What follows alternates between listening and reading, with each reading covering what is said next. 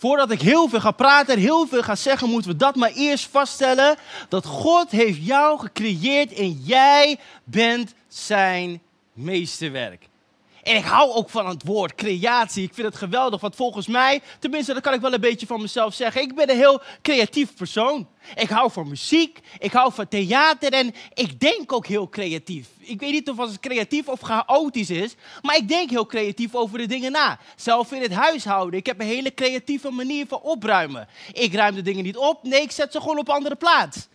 Het is meerdere malen voorgekomen dat mijn vrouw thuis komt en ze maakt de deur van de woonkamer open en ze zegt: Oh lieverd, wat geweldig, je hebt opgeruimd, geweldig. En even later maakt ze de deur van de slaapkamer open en ze zegt: Nee, laat maar, hier is alle troep.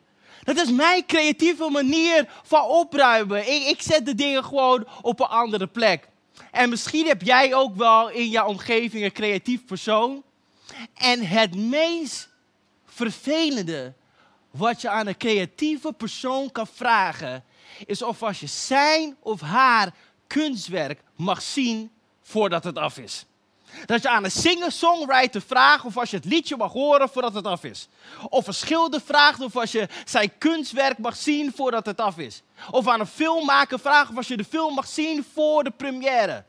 Want een meesterwerk kunnen we het best beoordelen als het af is.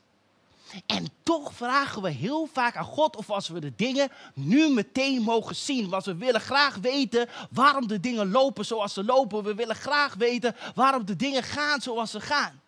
En voor een paar minuten die ik met je heb, wil ik dit aan je vertellen. Je bent een meesterwerk, zelfs als je dat nu niet ziet. In de Bijbel staan een aantal brieven van Paulus. En een van die brieven schrijft Paulus aan een groep mensen die in Jezus Christus geloven. En die groep mensen wonen in de plaats Efeze.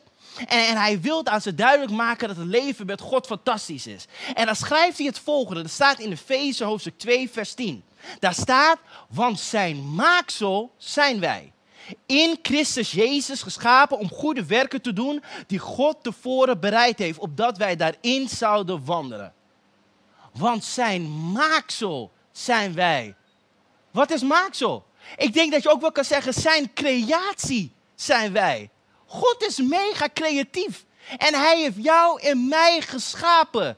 Hoe tof is dat om te weten dat wij niet per ongeluk hier zo zijn of dat we maar een beetje rondwarrelen hier op aarde. Nee, hij heeft het zo bedoeld dat we hier zijn. Hij heeft de tijd ervoor genomen. Hij is er even voor gaan zitten en hij heeft jou gemaakt precies zoals je bent met alles erop en eraan.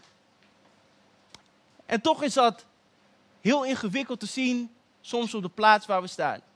Want de meeste werk kunnen we het best beoordelen wanneer het af is. En als ik het zo heb over meesterwerken, dan moet ik vooral denken aan, aan, aan Beethoven. Beethoven was een componist die honderden jaren geleden geweldige composities had gemaakt. En hij schreef muziekstukken voor orkesten, voor strijkers, voor blazers, pianostukken, geweldig. En zelf vandaag de dag horen wij de stukken van Beethoven overal waar we zijn. We horen ze onder reclamespotjes, onder filmscènes. Overal hoor je zijn werk terugkomen. Maar wat je misschien niet weet van Beethoven, is dat Beethoven op 30-jarige leeftijd langzaam doof begon te worden. Deze man, die geweldige stukken had gemaakt, geweldige composities had gemaakt, was niet meer in staat om zijn eigen werk volledig waar te kunnen nemen. Jongen, dat je als muziekmaker niet meer in staat bent om de muziek die je zelf maakt volledig te horen. De geschiedenis leert onszelf dat de enige manier waarop Beethoven nog zijn stukken kon horen, was als hij achter de piano ging, liggen, ging zitten en zijn oor legde op de klankkast van zijn piano. En dit was de enige manier waarop hij zijn stukken nog kon horen.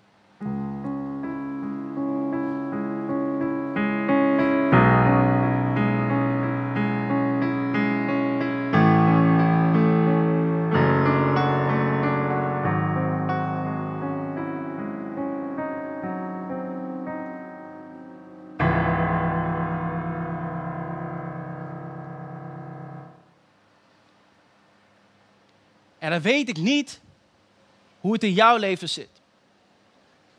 Maar als ik naar mijn eigen leven kijk, dan ben ik soms niet in staat om dat meeste werk van mijn leven te kunnen waarnemen.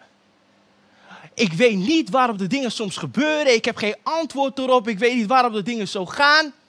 En dan ben ik net als Beethoven niet in staat om dat meeste werk van mijn leven volledig waar te kunnen nemen. En jongens, daar heb ik het niet over vroeger. Want soms is het heel makkelijk om te preken of te praten over dingen waar je al overheen bent.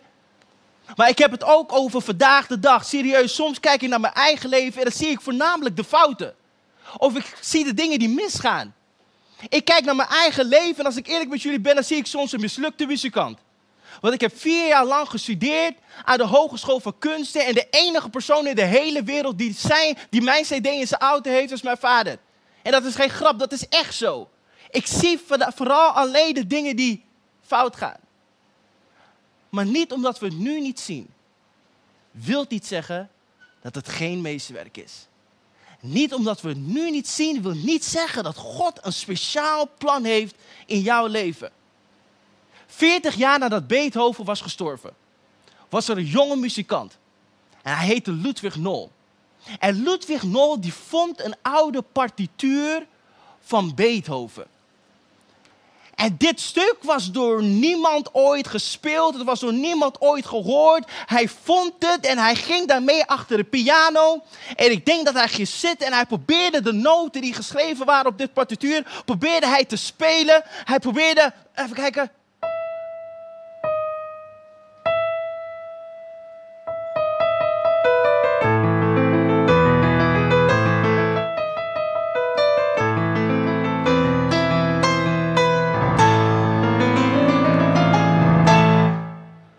En nu kennen wij de Fur Elise als een van de bekendste meesterwerken van Beethoven. Maar wat het bijzondere ervan is, dat 40 jaar lang had niemand ervan gehoord. Niemand kende het. Sterker nog, Beethoven zelf had dit meesterwerk ook niet helemaal kunnen waarnemen, omdat hij al 10 jaar lang zijn gehoor aan het verliezen was.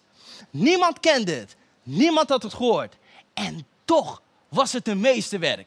En misschien voel jij je net als de Furelise. Ongekend, ongehoord. Dan ben ik vandaag hier gekomen, helemaal uit Almere, bij de EO Beam Kerkdienst om aan jou te zeggen.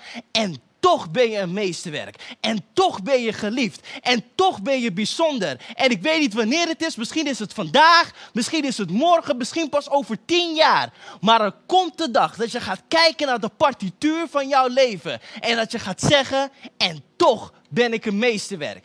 En dit stukje hoort niet bij mijn preek, maar ik wil het toch zeggen. Beethoven noemde zijn meesterwerk Voor Elise. Maar ik denk dat God bezig is met het meesterwerk. En hij geeft dat meesterwerk jouw naam. Voor Elise, voor Joram. Je bent een meesterwerk. Voor Maarten, je bent een meesterwerk. Voor Jor, uh, Joël, je bent een meesterwerk. God maakt een meesterwerk. En hij geeft het jouw naam.